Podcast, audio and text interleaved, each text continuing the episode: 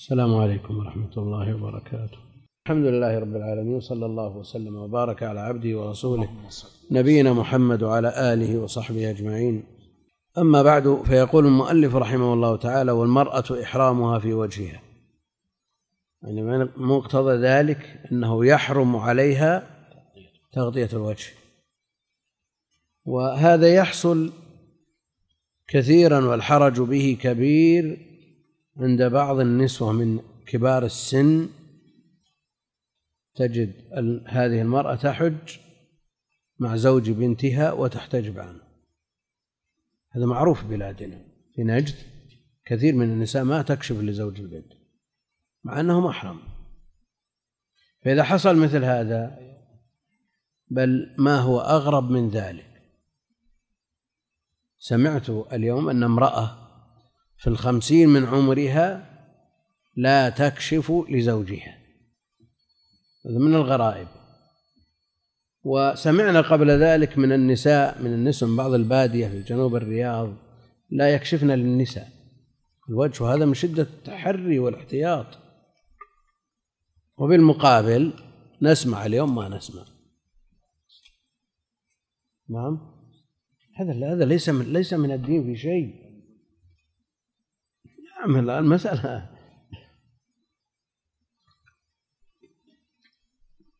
سألت هل أنجبت منه أولاد؟ قالوا نعم قلنا كفى. المقصود أن هذا ليس من الدين لكن أيضا مقابله هذا التضييع الذي يدعى إليه.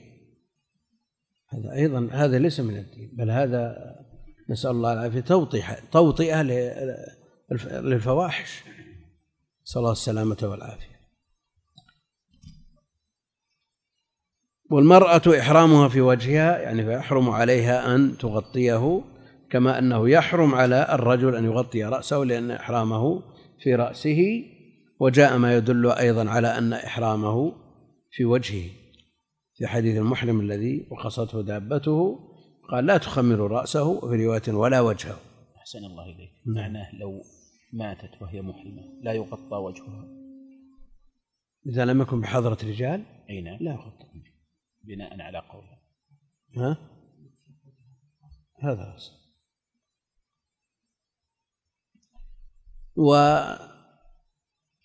والدليل على ذلك انتزعه من قولهم لا تنتقب وكان النساء في عهده عليه الصلاة والسلام يكشفن وجوههن وهن محرمات. فإذا حاذاهن الرجال الأجانب سدلن الجلباب على وجوههن.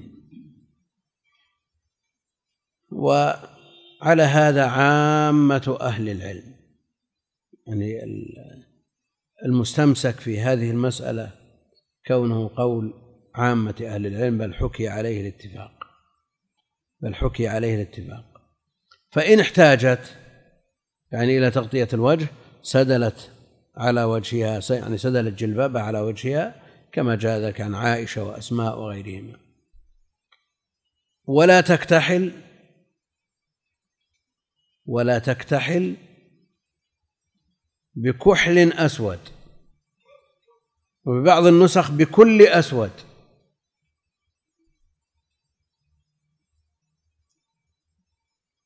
وش الفرق بين العبارتين؟ أيهما أشمل؟ بكل. لأنه يشمل الكحل وغير الكحل. لو جاءت بالألوان والأصباغ التي يستعملها الناس هي لا تسمى كحل. لا تسمى كحل. على على اللفظ الأصلي في الكتاب ولا تكتحل بكحل أسود معناه أنها تكتحل بالأسود إذا كان من غير الكحل. وعلى اللفظ الثاني في النسخة بعض النسخ قال بكل أسود فيشمل الكحل وغير الكحل. نعم.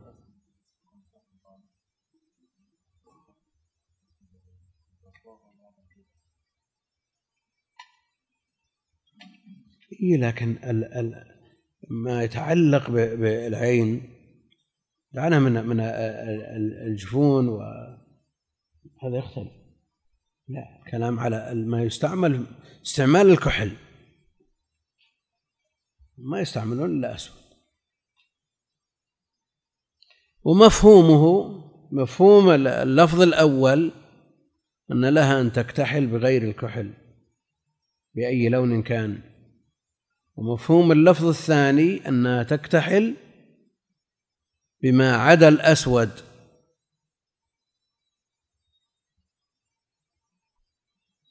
قال وتجتنب كل ما يجتنبه الرجل إلا في اللباس فإن لباس المرأة يختلف عن لباس الرجل بحاجة إلى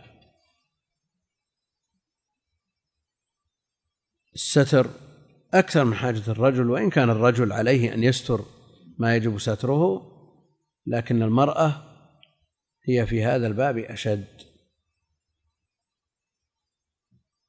في هذا الباب أشد.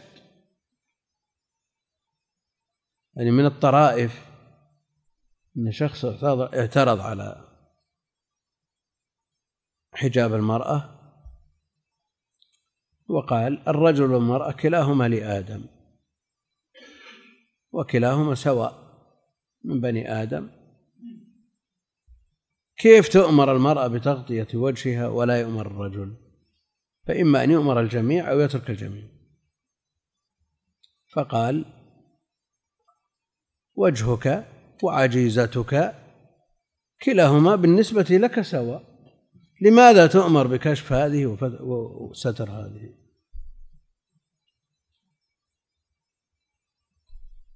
جواب مسكت. جواب مسكت. هذا دين هذا ما هو بلعب المسألة. ليست المسألة يعني تشهي. والله المستعان. يعني مجرد أن جاءنا هذه التسوية جاءتنا من أعدائنا فتلقفناها. نحن نتدين بدين والحجاب من الدين والستر والعفاف من الدين. والنبي عليه الصلاة والسلام يأمر بالصدقة والصدق والعفاف. وتجتنب كل ما يجتنبه الرجل إلا في اللباس. فالمرأة تستر جميع بدنها إلا ها؟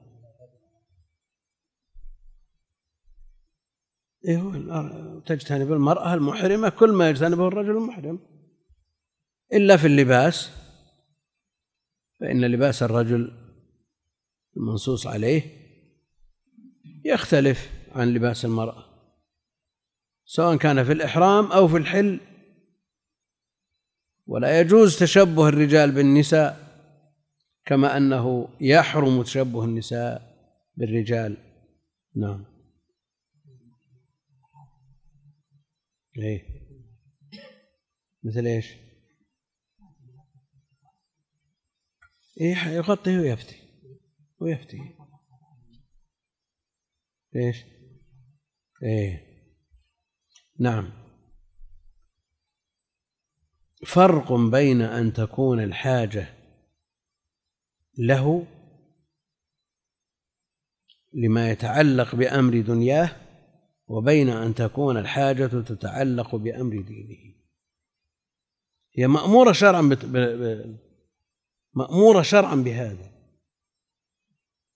مأمورة شرعا بالكشف ومأمورة شرعا بالحجاب. نعم.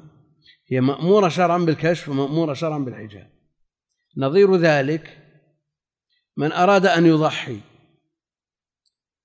منهي شرعا أن يأخذ إذا دخلت العشر من بشرته أو أظفاره أو شعر شيء؟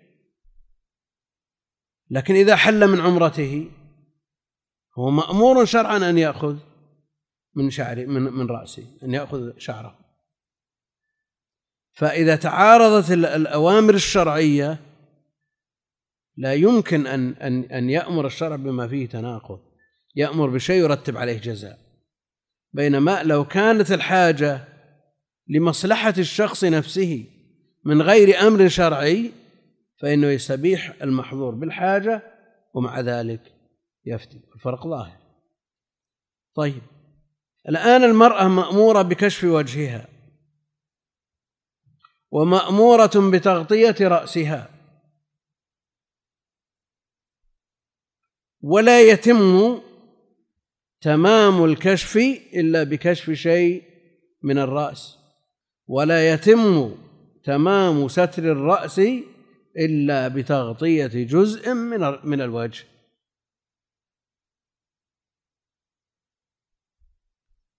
ظاهر ولا مو ظاهر؟ فماذا تصنع؟ تحتاط للوجه وتحتاط للرأس. تحتاط للرأس. لأن مسألة الستر فرض فرض آه، شرعي.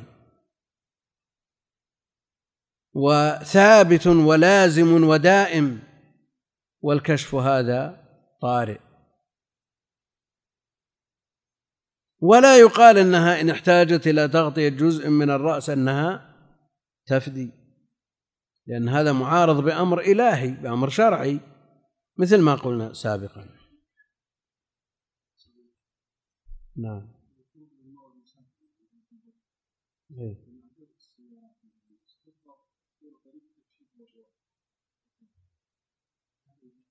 المشقة عليه تستل.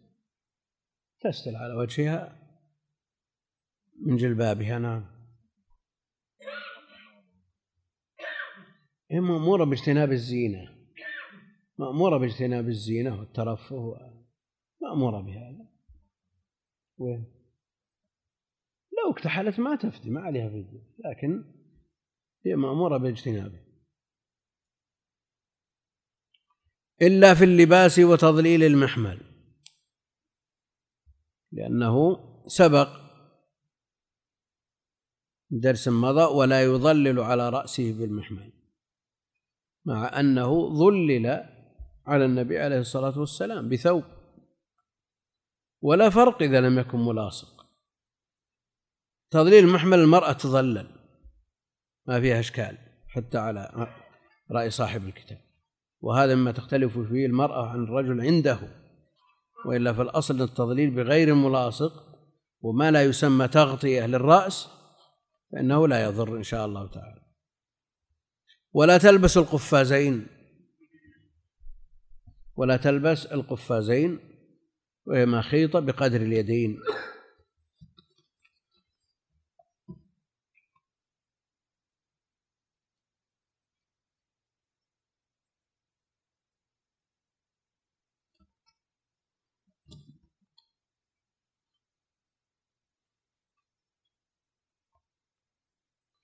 هذا يقول أثناء الأسئلة أثناء الدرس تشتت السامع والملقي فنريد أن تؤجل حتى نهاية الدرس حتى يتم الانتهاء من الكتاب.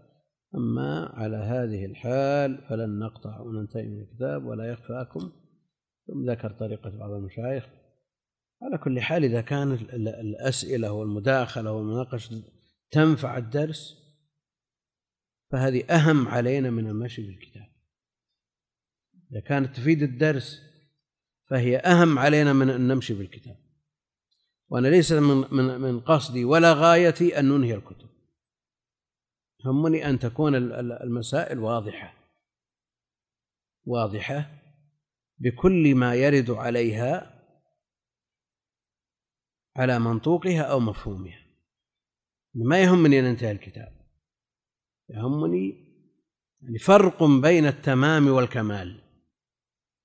نعم هدف لكثير من طلاب العلم التمام على على حساب الكمال. هذه طريقتنا من من أن بدأنا بالدروس نشارك الإخوان ونستفيد منهم ويثرى الدرس بهذه المداخلات.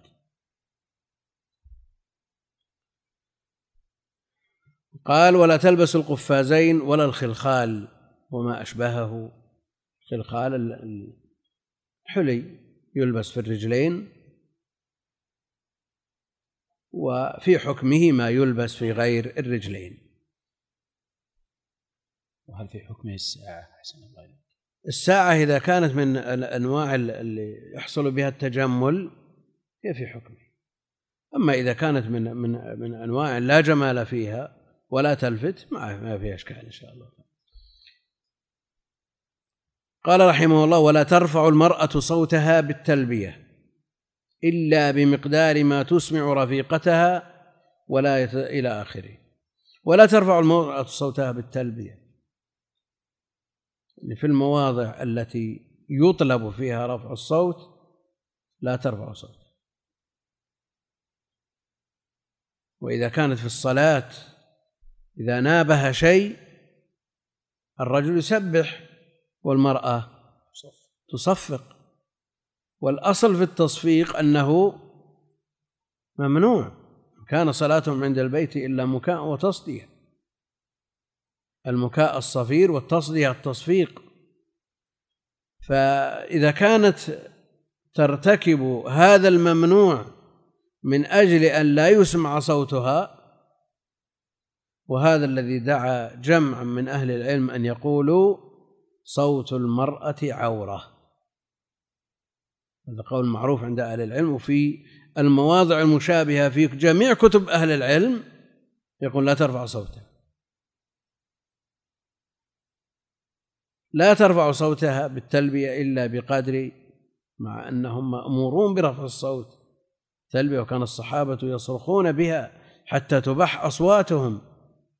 وأما بالنسبة للمرأة فلا ترفع صوتها إلا بقدر ما تسمع رفيقتها. ولا شك أن صوت المرأة وإن لم نقل إنه عورة لكنه فتنة لأن بعض مرضى القلوب يتعلق قلبه بالمرأة من خلال صوتها ولا شك أن الصوت أثرا كبيرا في قلوب الرجال والأذن تعشق قبل العين أحيانا. وكم من امرأة سمع صوتها فتعلق بها بعض مرضى القلوب ثم لما انكشف الحال وانجلى الغبار إذا بها لا شيء. نعم. يعني أقل من من مستوى الصوت. والله المستعان. ها؟ له لأجل الزينة. إذا وجد الصوت فالمرأة ممنوعة من ولا يضربن بأرجلهن ليعلم ما يخفين من زينتهن. هذا الأصل في المحرمة وغيرها. إذا كانت المرأة بغير حضرة أجنبي ترفع صوتها بالتلبية؟ إذا كانت بغير حضرة أجنبي يعني امرأة وقل مثل هذا التكبير في العشر في بيتها تكبر فهل ترفع الصوت؟ إذا كانت اسم حضرة ارتفعت العلة ارتفعت العلة فترفع صوتها بحيث تسمع من في البيت فيتذكرون التكبير والتلبية وغيرهما. إلا بمقدار ما تسمع رفيقتها ولا يتزوج المحرم. لا يتزوج ولا يزوج لا يكون زوجا يبرم عقده حال الإحرام ولا يزوج موليته حال الإحرام ولا يخطب أيضا مع لكن الزواج أمره أشد.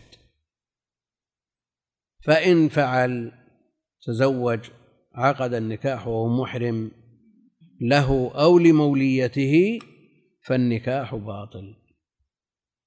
فالنكاح باطل والحديث حديث عثمان وغيره يدل على هذا. لا ينكح المحرم ولا ينكح وفي رواية ولا يخطب. يعني لا يكون سفير بين الطرفين. فإن فعل فالنكاح باطل. والقول الثاني في المسألة أن النكاح صحيح. لحديث ابن عباس أن النبي عليه الصلاة والسلام تزوج ميمونة وهو محرم في الصحيح.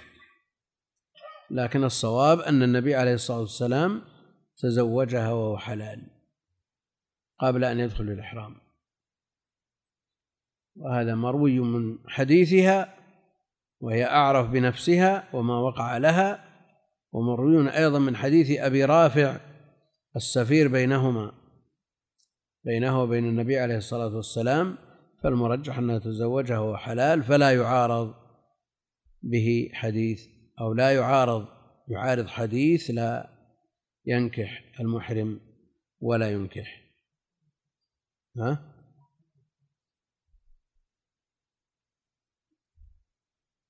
طيب. لو حصل مثل هذا النكاح فالنكاح باطل على ما اختاره المؤلف فهل وجوده مثل عدمه؟ بمعنى أنه لا يؤثر على من خطبها بعد الحج أو بعد الفراغ من النسك؟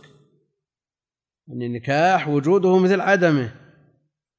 أو نقول يطلق من أجل أن يحلها بيقين لمن يخطبها بعده. ها؟ يعني مثل من تزوجت بغير ولي. تزوجت بغير ولي عند الجماهير النكاح باطل. يصححه الحنفية. فهل نقول أن مقتضى بطلان النكاح مثل بطلان الجمع بين المرأة وعمتها وخالتها وأمها وأختها وجوده مثل عدمه؟ أو نقول إنه له أثر وإن لم يكن راجحا؟ يعني القول المعول عليه عند أهل العلم أن النكاح غير صحيح لكن يبقى أنه ليحلها لمن يخطبها بعد بعد الحج بيقين يطلق. طيب. الطلاق المختلف فيه كالطلاق في الحيض مثلا هذا مختلف فيه. جمع الثلاث مثلا لا خلونا في الحيض أو في طهر جامعها فيه. المفتى به وهو قول شيخ الإسلام أنه لا يقع. طلاق لا يقع. طيب طلقها الثالثة الأولى والثانية معتبرة في طهر لم يجامعها فيه. ثم طلقها الثالثة في الحيض. طلقها الثالثة في الحيض. وقول الجمهور أنه يقع. فاستفتى. من أفتاه بأن الطلاق واقع؟ فتكون ثالثة. فتكون ثالثة. هل تحل لمن يخطبها بعد ذلك؟ أو نقول يطلق لتحل له بيقين؟ ها؟ الأولى والثانية واقعة بلا إشكال. في طهر لم يجامعها فيه. طلق الثالثة في الحيض فسأل فأفتاه من قال إن الطلاق واقع. فاعتزلها على أنها بائن وانتهت عدتها فخطبت. والقول الثاني موجود معتبر بل هو المفتى به الآن أنه لا يقع. فهي ما زالت في عصمته. ماذا نقول؟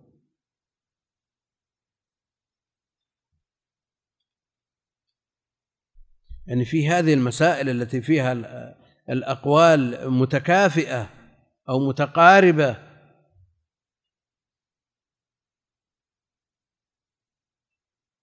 امرأة تزوجت بلا ولي. نكاح مصحح عند بعض أهل العلم. وفرق بينهما على قول الجمهور فخطبت.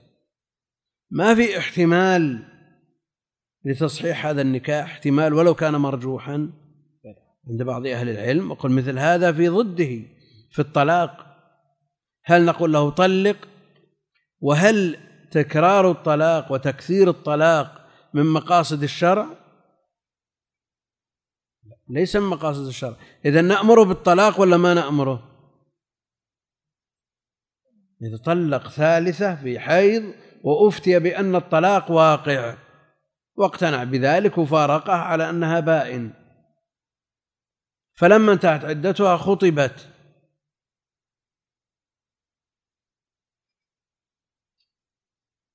والقول الثاني معتبر ومعروف. منهم من يقول يطلق لتحل لمن بعده بيقين. لتحل لمن بعده بيقين. وكذا من عقد عليها حال الإحرام. لتحل لما بعده بيقين لأن ما كل نهي يقتضي البطلان. قد يقتضي الإثم مع تصحيح العقد. طيب القول بوقوع الطلاق في الحيض هو قول الأئمة الأربعة وأتباعهم معروف يعني عند أهل العلم وأوقعه عمر رضي الله عنه وأرضاه. وشيخ الإسلام رجع بالمسألة إلى ما قبل عمر. ما عرضه أحد من الصحابة ولذلك اعتمده الأئمة الأربعة وغيرهم فهو واقع. ومن تأمل في المسألة والروايات عن ابن عمر الذي طلق في الحيض وأمر بمراجعتها اختلفت منها ما يدل على أنه على أنها حسبت ومنها ما يدل على أنها لم تحسب. طيب.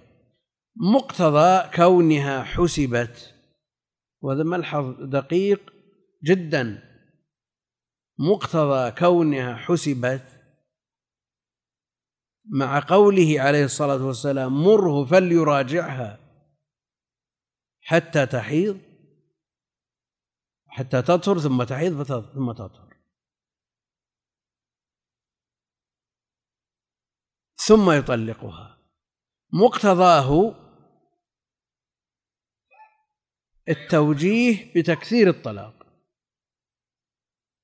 إذا قلنا أنها حسبت التي في الحيض ثم يطلقها بعد ذلك يعني مقتضى هذا القول أن الشرع أمره أن يمسكها ويراجعها ليطلقها ثانية إذا حاضت ثم طهرت ثم حاضت ثم طهرت.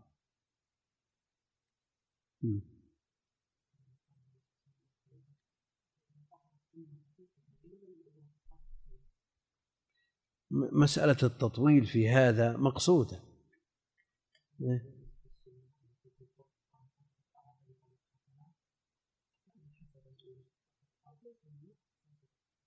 اي لكن أنا أقول لو لم إذا حسبت هذه الطلقة مع أمره بمراجعتها مقتضاه أنه أمر بتطليقها ثانية لكن إذا قلنا لم تحسب كما هو رأي شيخ الإسلام ما في تكثير للطلاق.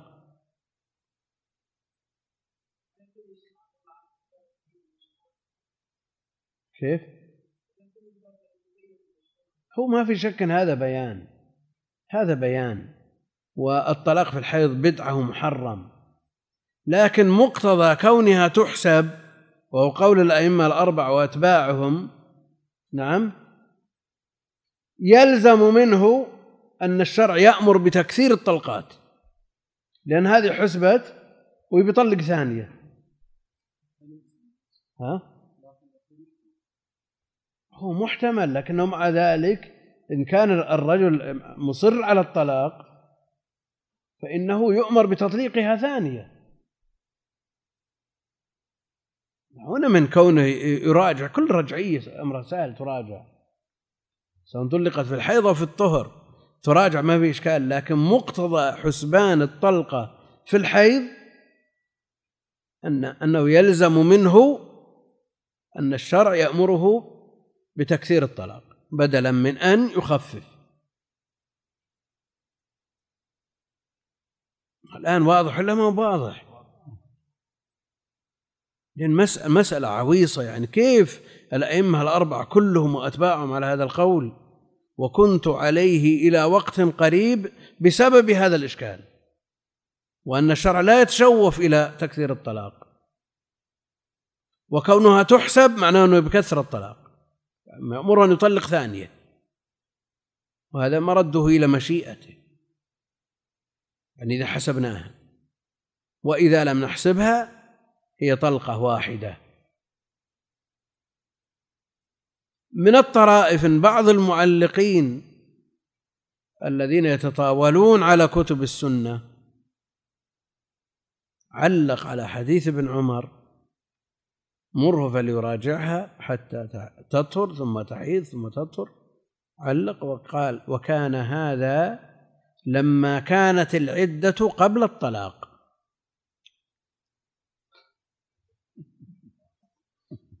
نعم.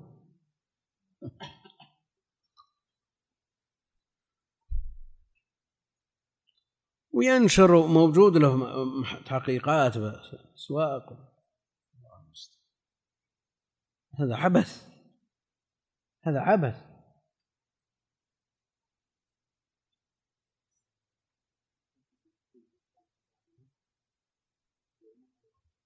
من قال باينة؟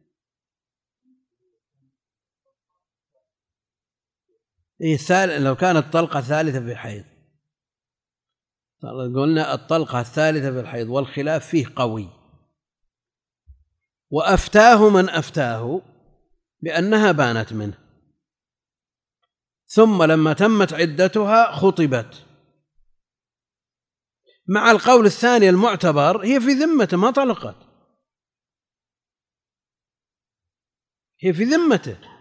فكيف تتزوج وهي في ذمته؟ على قول معتبر عند أهل العلم. قالوا لابد أن يطلق ثالثا. نعم.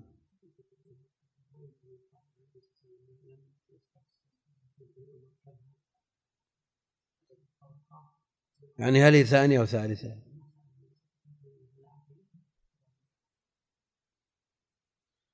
المقصود أن مثل هذه الأمور لا بد من اليقين فيها هذه الفروج يحتاط لها. فإن مشت على على قول الجمهور ما في طلقته وانتهت. لكن إذا مشت على القول المرجح الآن الذي يفتى به فإن ما زالت في عصمته. على أن إذا كأنه إذا كان الذي أفتاه من أهل العلم الذين تبرأ الذمة بتقليده فيلزمه قوله وتحل لمن يخطبها. حكما. حكما. ولو كان القول الثاني قائم وإن وطئ المحرم في الفرج وإن وطئ المحرم في الفرج يعني لا مباشرة إنما الوطء في الفرج الذي تترتب عليه الأحكام كم عددها؟ كم هي؟ عد.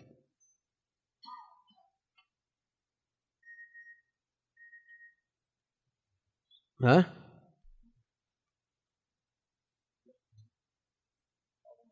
لا لا لا لا. الوطء الوطء في الفرج له أحكام. إيه؟ نعم. ما هو في الحج عموما الوطء في الفرج له أحكام. 12 أشاروا إلى أنها 12 هذا على سبيل الإجمال. وأما على سبيل البسط فأوصلها بعضهم إلى الأربعمائة.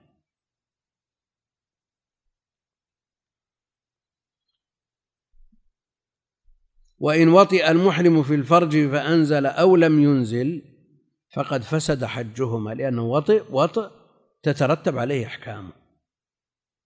وطئ وطئا تترتب عليه أحكامه. فقد فسد حجهما وهذا محل اتفاق بين الصحابة. هل يوجد عليه دليل من المرفوع؟ عليه دليل من المرفوع؟ ها؟ هذا اتفاق بين الصحابة. الشيخ محمد الأمين الشنقيطي يقول ما أعرف من المرفوع ما يدل عليه لكن هذا قول الصحابة قاطبة. فقد فسد حجهما. هذا الحكم الأول. وعليه بدنه. إن كان استكرهها وإن كانت طاوعته فعلى كل واحد منهما بدنه. وإن كانت طاوعته فعلى كل واحد منهما بدنه.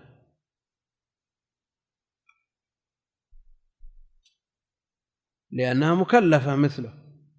وإن كان استكرهها فعليه هو ولا شيء عليها ومن أهل العلم من يقول عليه بدنتان بدنة عليه أصالة والثانية البدنة التي تلزم زوجته بسببه. الآن يتصور أن على الطرفين كل واحد منهما بدنة ويتصور أن الزوج عليه بدنة والزوجة لا شيء عليها إذا كانت مكرهة. ويتصور من خلال أقوال أهل العلم أن على الزوج بدنتين وليس عليها شيء. وهل يتصور في صورة من الصور أن المرأة عليها بدنة والزوج لا شيء عليه؟ تصور. ها؟ نعم في إيش؟ لو وقعت عليه وهو نائم؟ استدخلت لك. هذه مسألة واقعية. قال الزوج لزوجته أيقظيني في الساعة الثانية في ليلة من ليالي رمضان.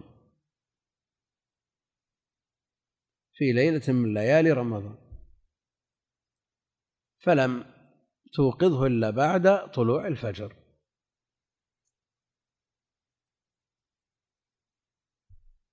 فأرادها. وهو في كأنه بين اليقظة والنوم. إن صدق في في دعواه. إن صدق في دعواه. يقول لم يستيقظ. يقظة تامة. فوقع عليها مع أنها تقول له أنه قد أذن. قلت له إنه أذن أذن وهو ما على انها الساعة ثنتين إن صدق في دعواه وأنه لم يسمع كلامها وهو في قد رفع عنه القلم التكليف إن طاوعت ولم تمان عليها الكفارة. وإن كان بالفعل نائم وقد رفع عنه القلم فلا شيء عليه. ويبعد أن يبعد مثل هذا تصديقه وهذه مسألة بينه وبين ربه يدين بهذا.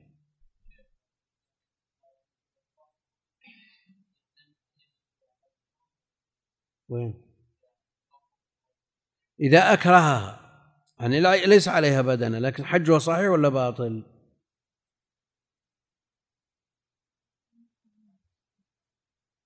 ولا ما استكره عليه. ما عليها شيء. إذا كانت مكرهة. ها؟ وين؟ فأنزل أول فقد فسد حجهما وعليه بدنة إن كان استكرهها.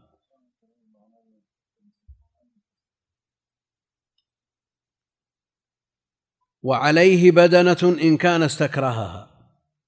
وإن كانت طاوعته فعلى كل واحد منهما بدنة يعني فقد فسد حجهما على الوجهين في حال الإكراه وفي حال آه، الرضا. ها؟ يعني هذا مقتضى العطف مقتضى عطف الجملة على الثانية الأولى الثانية على الأولى. وعليه بدنة إن كان استكرهها وإن كانت طاوعته فعلى كل واحد منهما بدنة. هذا إذا قلنا إيش؟ أنه عليه بدنة استئنافية ولا عاطفة؟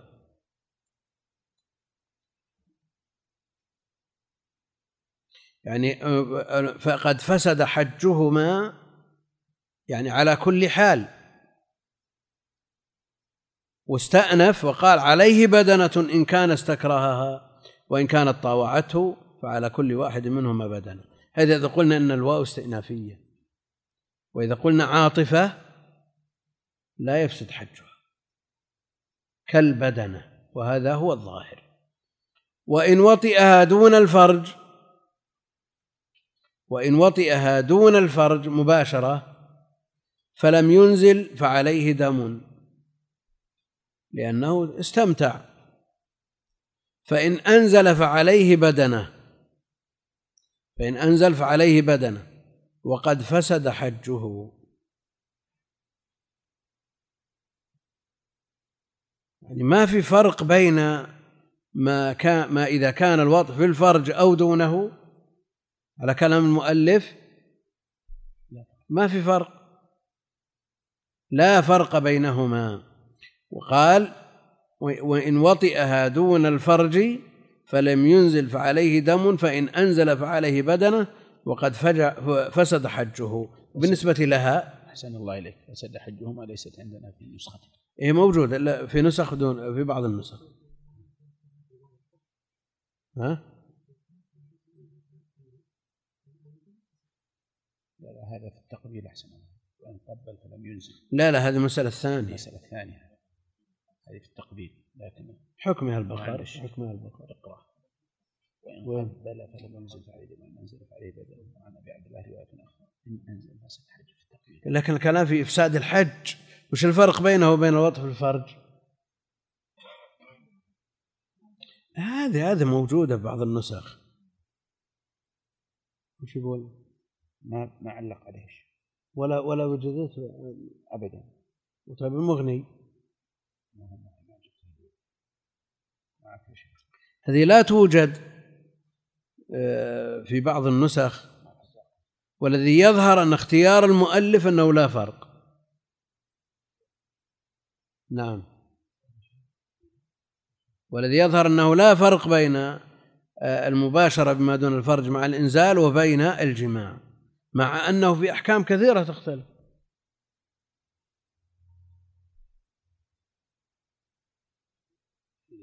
شو يقول؟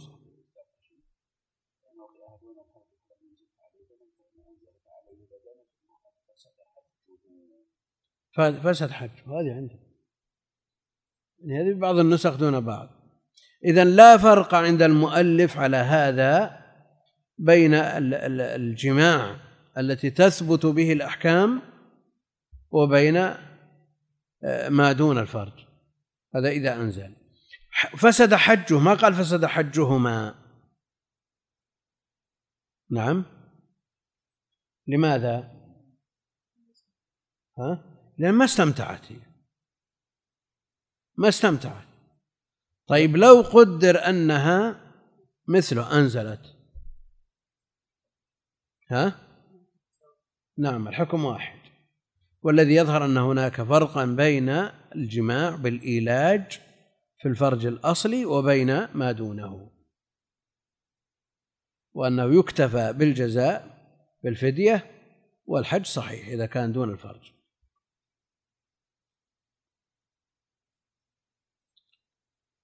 لأنه لو لو باشر فيما دون الفرج في رمضان تلزم كفارة ولا ما تلزم؟ ما تلزم. نعم ما تلزم الكفارة نعم عليه القضاء يفسد صومه وعليه القضاء. عكس ما عندنا. هنا الكفارة ولا يفسد حجه. وهناك يفسد صيام ولا تلزم الكفارة. وإن قبل فلم ينزل فعليه دم. نعم. أي إن وطئ دون الفرج فلم ينزل فعليه دم. فإن أنزل فعليه بدن. ما ولا يفسد الحج. عليه بدن. إذا أنزل عليه بدن. وإن قبل فلم ينزل شو؟ شو؟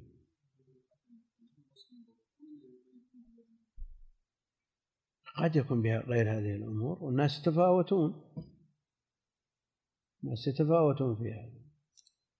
بعض الناس يجب أن يفرق بينه وبين زوجته إذا دخل في النص وبعض الناس ما عندهم إشكال.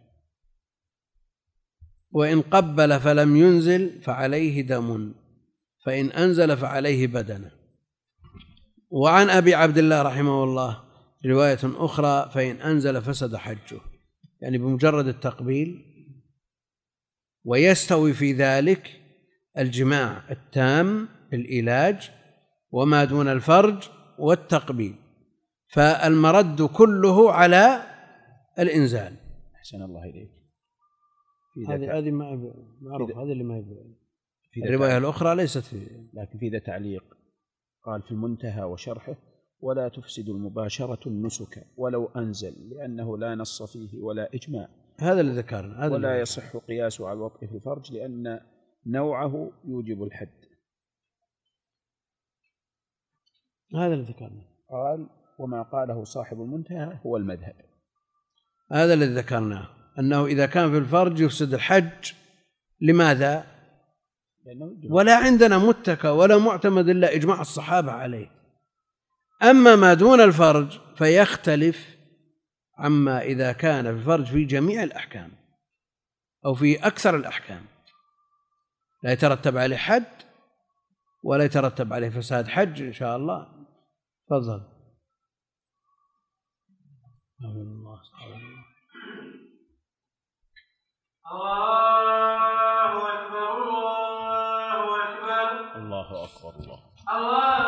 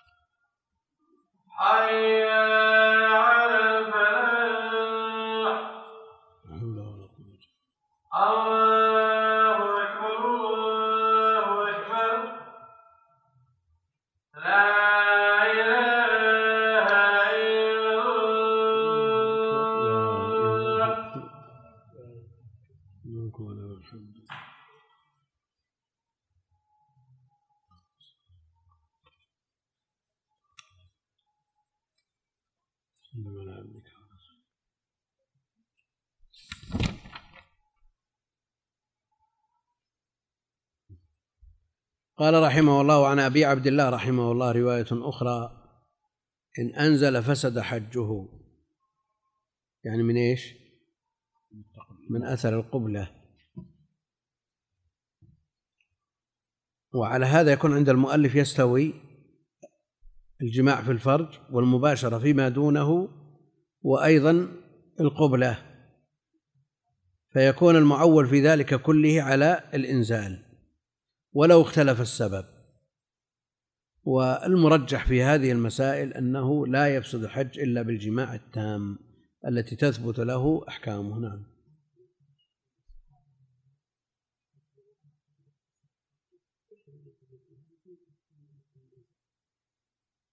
على كل حال ما دام ما عندنا نص ملزم فلا نستطيع إفساد الحج. وإن نظر فصرف بصره وإن نظر فصرف بصره فأمذى في بعض النسخ فأمنى. فعليه دم فإن كرر النظر حتى أمنى فعليه بدنة. أي اللفظين أرجح؟ فأمذى. ليتم الفرق بين الجملتين ويتم الفرق بين الجملتين ولو قلنا أمنى لأنه في الأول نظر صرف. صرف. يعني والثاني كرر النظر. فتغلظ عليه العقوبة. الأول نظر فصرف بصره فأمذى ولو أمنى أيضا عليه دم لأنه فعل ما طلب منه من صرف البصر. فأمره أخف مما لو كرر النظر حتى أمنى فعليه بدنه. لكن أحسن الله إليك.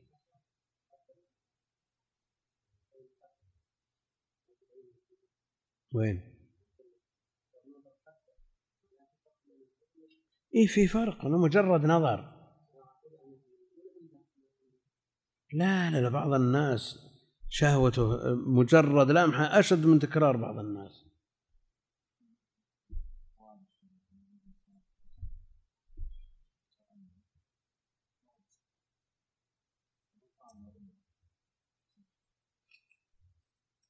أحسن الله إليك. نعم. ما يرجح أنها أمنى على أمذى لأنه لم يذكر المذي في مباشرة الرجل امرأته مع أنه محتمل الوقوع؟ ما ذكره أبدا. لا هو لما فاغ آه، خالف بين الجزائين لا بد من المخالفة إما بين الفعلين أو بين الأثرين.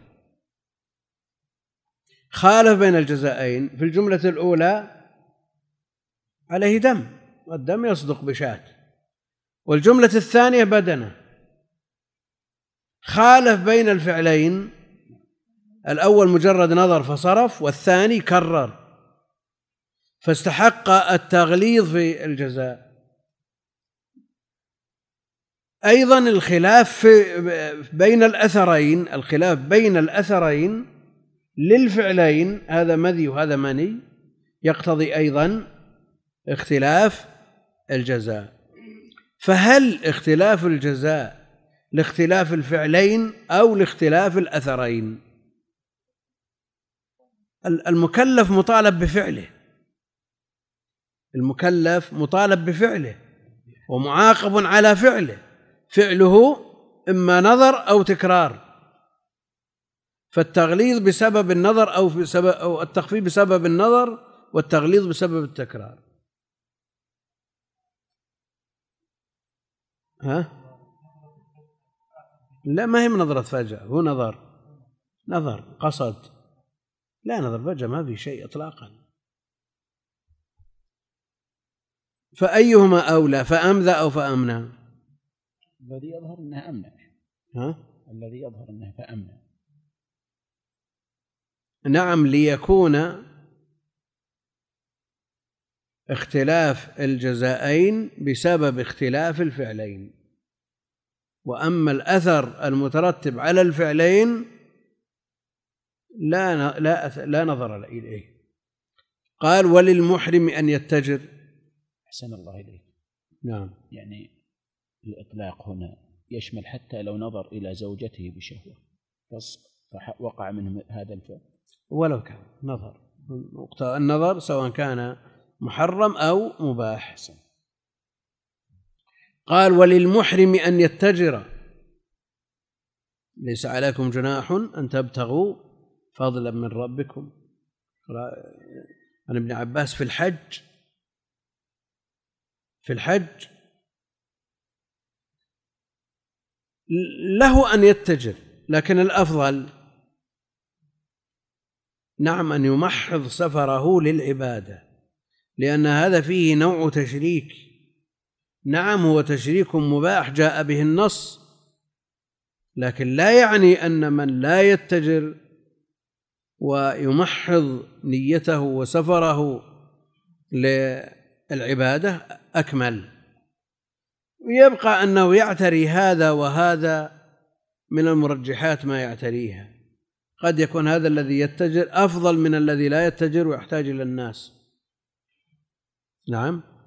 قد يكون هذا الذي يتجر الناهز له هو التجارة وليس الحج فيكون أمره أشد. المقصود أن الناس يتفاوتون في مثل هذا لكن في الجملة له أن يتجر. ويصنع الصنائع. يتكسب بالتجارة وغيرها ويرتجع زوجته. يرتجع زوجته. ليس له أن ينكح ولا ينكح ولا يطأ. لكن ارتجاع الزوجة.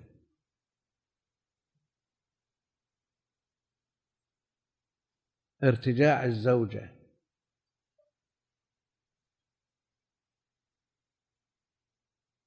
هل يفهم منه ارتجاعها ما دامت في العدة أو يشمل ما إذا انتهت عدتها؟ يترتب على الأول أنه يرتجعها بغير عقد وعلى الثاني أنه لا بد من عقد. نعم.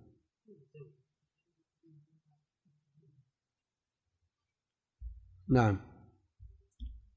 ويرتجع زوجته لأنها ما دامت في العدة فهي زوجة. فكأن هذه الرجعة استمرار وليست ابتداء نكاح. لأنها بين تدور بين أمرين. أو تتردد بين أصلين. شخص زوجته في عصمته. كونه يستمر نكاحه هذا يؤثر في, في الإحرام. ها؟ إجماعا. هذا محل إجماع. هذا إذا كانت في عصمته وأراد الاستمرار. شخص آخر خطب زوجة وعقد عليها. قلنا النكاح فيما مضى باطل. هذه الزوجة التي طلقت. مترددة بين الأصلين. الرجعة. إذا أراد رجعتها متردد بين الأصلين. الأصل الأول استمرار النكاح. والأصل الثاني ابتداء النكاح. لشأن الرجعة. الرجعة فيها نوع. الطلاق فيه انفصال. والارتجاع. نعم. تجديد. وإن لم يكن بعقد أما إذا كان بعقد فهو نكاح. إذا كان بعقد بمعنى أنها بانت منه بأن طلقها قبل الدخول أو خالعها أو طلقها طلاقا رجعيا فانتهت عدتها. هذا مثل النكاح. هذا نكاح. لأن النكاح يطلق في الأصل على العقد. هذا لا إشكال فيه. عندكم قال المؤلف في رواية أخرى عن أبي عبد الله وعن أبي عبد الله رحمه الله رواية أخرى في الارتجاع أن لا يفعل. لكن هذا من المتن أو من الشرح. ها؟ ليس في نسخة. في المغني جعلها من الشرح ليست من المتن. وعن أبي عبد الله رواية أخرى في الارتجاع أن لا يفعل. طيب إذا خشي انتهاء العدة يفعل ولا ما يفعل؟ إذا لم يخشى انتهاء العدة فالورع أن لا يرتجع. هذا الورع. فإن خشي ارتجاع العدة انتهاء العدة ارتجع. ولا إشكال في ذلك إن شاء الله تعالى لأنه استمرار للعقد. نوع من الاستمرار ولا عقد جديد. وله أن يقتل الحدأة والغراب والعقرب والفأرة والكلب العقور. خمس فواسق يقتلن في الحل والحرم. في رواية يقتلن في الحرم. المفهوم هذا أنهن لا يقتلن في الحل من باب أولى. خمس فواسق أو خمس فواسق يقتلن في الحل والحرم. قال وله أن يقتل الحدأة والغراب والعقرب والفأر والكلب العقور. جاء أيضا الحية والذئب يعني وصلت إلى عدد بالروايات الأخرى. الآن الفواسق. وصف مؤثر يشمل هذه المذكورات. وأن سبب القتل هو الفسق وهو الخروج عن المألوف بالأذى. هذه علة تجمع بين هذه الخمس وعلى هذا يقتل كل مؤذي. وعلى هذا يقتل كل مؤذي. منهم من يقول أن العلة التي تجمع هذه الفواسق عدم الأكل فيقتل كل ما لا يؤكل. لكن هذا ضعيف. إنما يقتل المؤذي الذي يخاف منه على المحرم. هذا الذي يقتل. وغيره. نعم. شو؟ الفسق. الفسق الفسق هو الخروج في الأصل. الفسق الخروج. وعلى هذا يلحق الحدأة. تسرق المتاع. تسرق المتاع.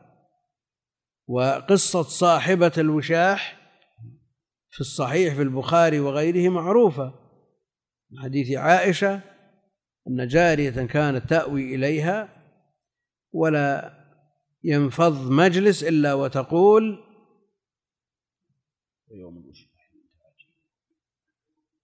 ويوم الوشاح من تعاجيب ربنا. إلا أنه أو ألا إنه بالتخفيف والتشديد من دارة الكفر نجاني. فسألتها عن سبب هذا البيت فقالت إن أهلها كانت جارية عند قوم فأعتقوها ومكثت عندهم. فجاءت الحلية الحدية فسرقت الوشاح. رباط من جلد تتحلى به النساء على بنت لهم. وجدته فظنته لحم فأخذته. تقول فسألوني وأخبرتهم أني لا أعرف عنه شيئا ففتشوها حتى قبلها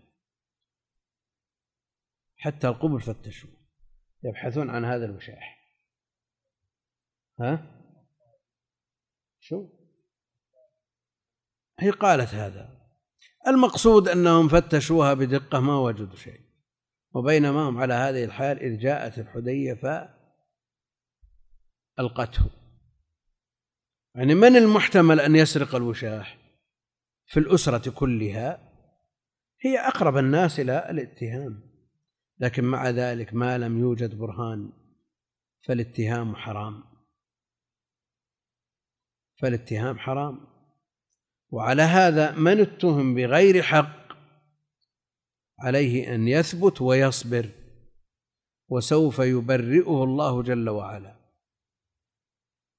ويوجد الآن من أساليب المفسدين أنه يصور شاب أو تصور امرأة في مناسبة بكامل زينتها ويدبلج معها صورة أخرى ويصورون عراة أو يصور هذا الصبي كذلك ثم يساوم على هذه الصورة.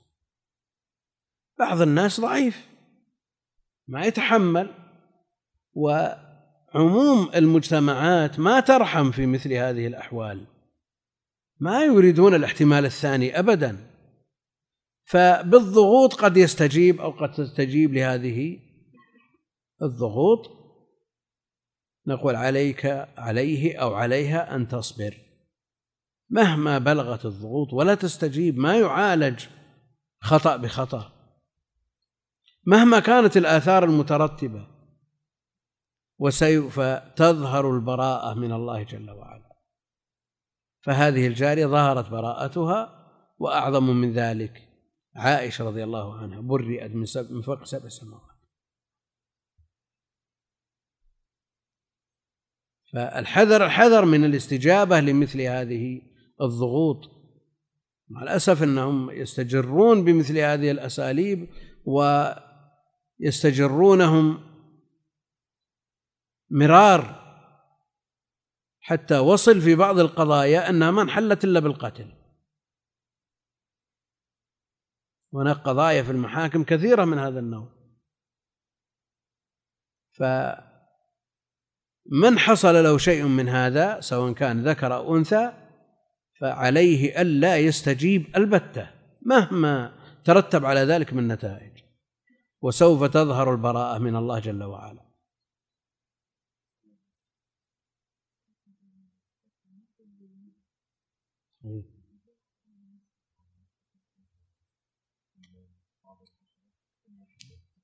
على كل حال المؤذي يقتل. ما آذى من ما آذى طبعا يقتل شرعا. ولو ولو بالبعوض ولو بالذباب ولو بأي شيء يؤذيه لكن الأذى منه ما هو محسوس. يحس به الإنسان. ومنه ما هو ناشئ عن التقذر. يتأذى بعض الناس بالصراصير أشد من العقارب. فهل يقال أن هذا الأذى وإن كان لا حقيقة له يلحق بالأذى الموجود هنا أو لا؟ ها؟ له بعض الناس عنده أشد. يعني مثل ما ذكرنا في باب التيمم وذكره أهل العلم في مقدمات المناسك لأنهم يحتاجون التيمم. إذا كان الطريق إلى الماء مخوف حقيقة أو حكما يجزم بأن عند الباب باب البيت أو باب الخيمة إذا كان في سفر عنده سبع. والثاني بمجرد ما يظلم الليل خلاص. أشد من السبع عنده. وما في سبع. مثل هذا يتيمم ولا لا؟ بعض الناس عنده هذا أشد من لو كان هناك سبع عند الباب. بعضهم استروح أنه يتيمم لأن الخطر على عقله. وفي البخاري إذا أمرته أمه بصلاة العشاء أو الفجر فجن. نعم. تضمن ولا ما تضمن؟ بعض الناس تؤثر فيه هذه اثرا بالغا أشد من الحقائق.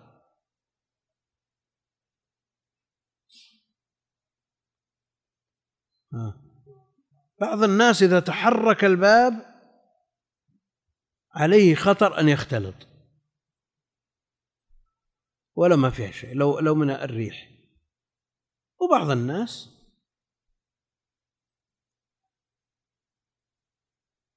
أمره يعني ذكروا حوادث وقصص شيء خيالية من هذا النوع. فهل يقال أن كل إنسان له ما يخصه؟ فمن يخاف من الظلام له حكم والذي لا يخاف من السبع أيضا له حكم.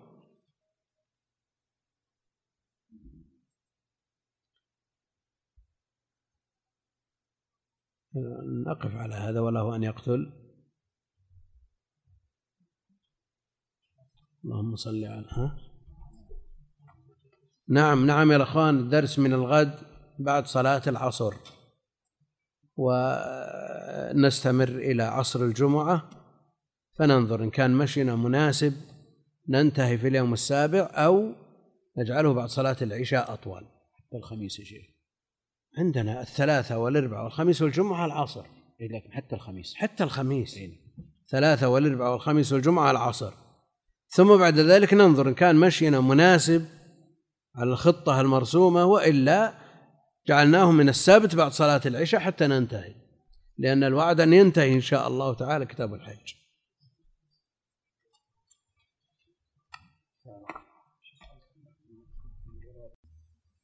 هذا يقول؟ جاء في شرح حديث وابصة بن معبد لابن رجب.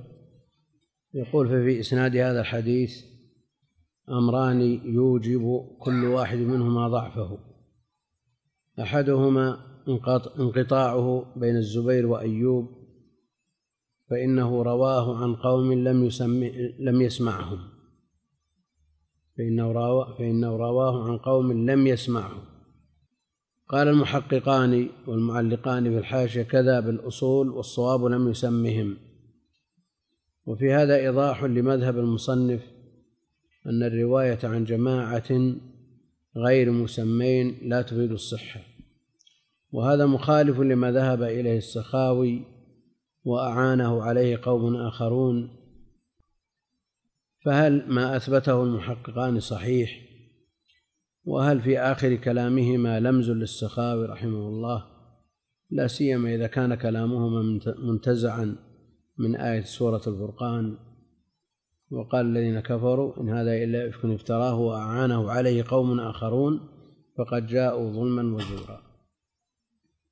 السخاوي وجمع من أهل العلم يثبتون ما يرويه الجماعة ولو لم يسمون لكنهم جماعة من نوع خاص. السخاوي ذكر هذا الكلام حينما ذكر قصة امتحان البخاري رحمه الله تعالى. قصة امتحان البخاري ببغداد قال ذكرها ابن عدي عن عدة من شيوخه. ذكرها ابن عدي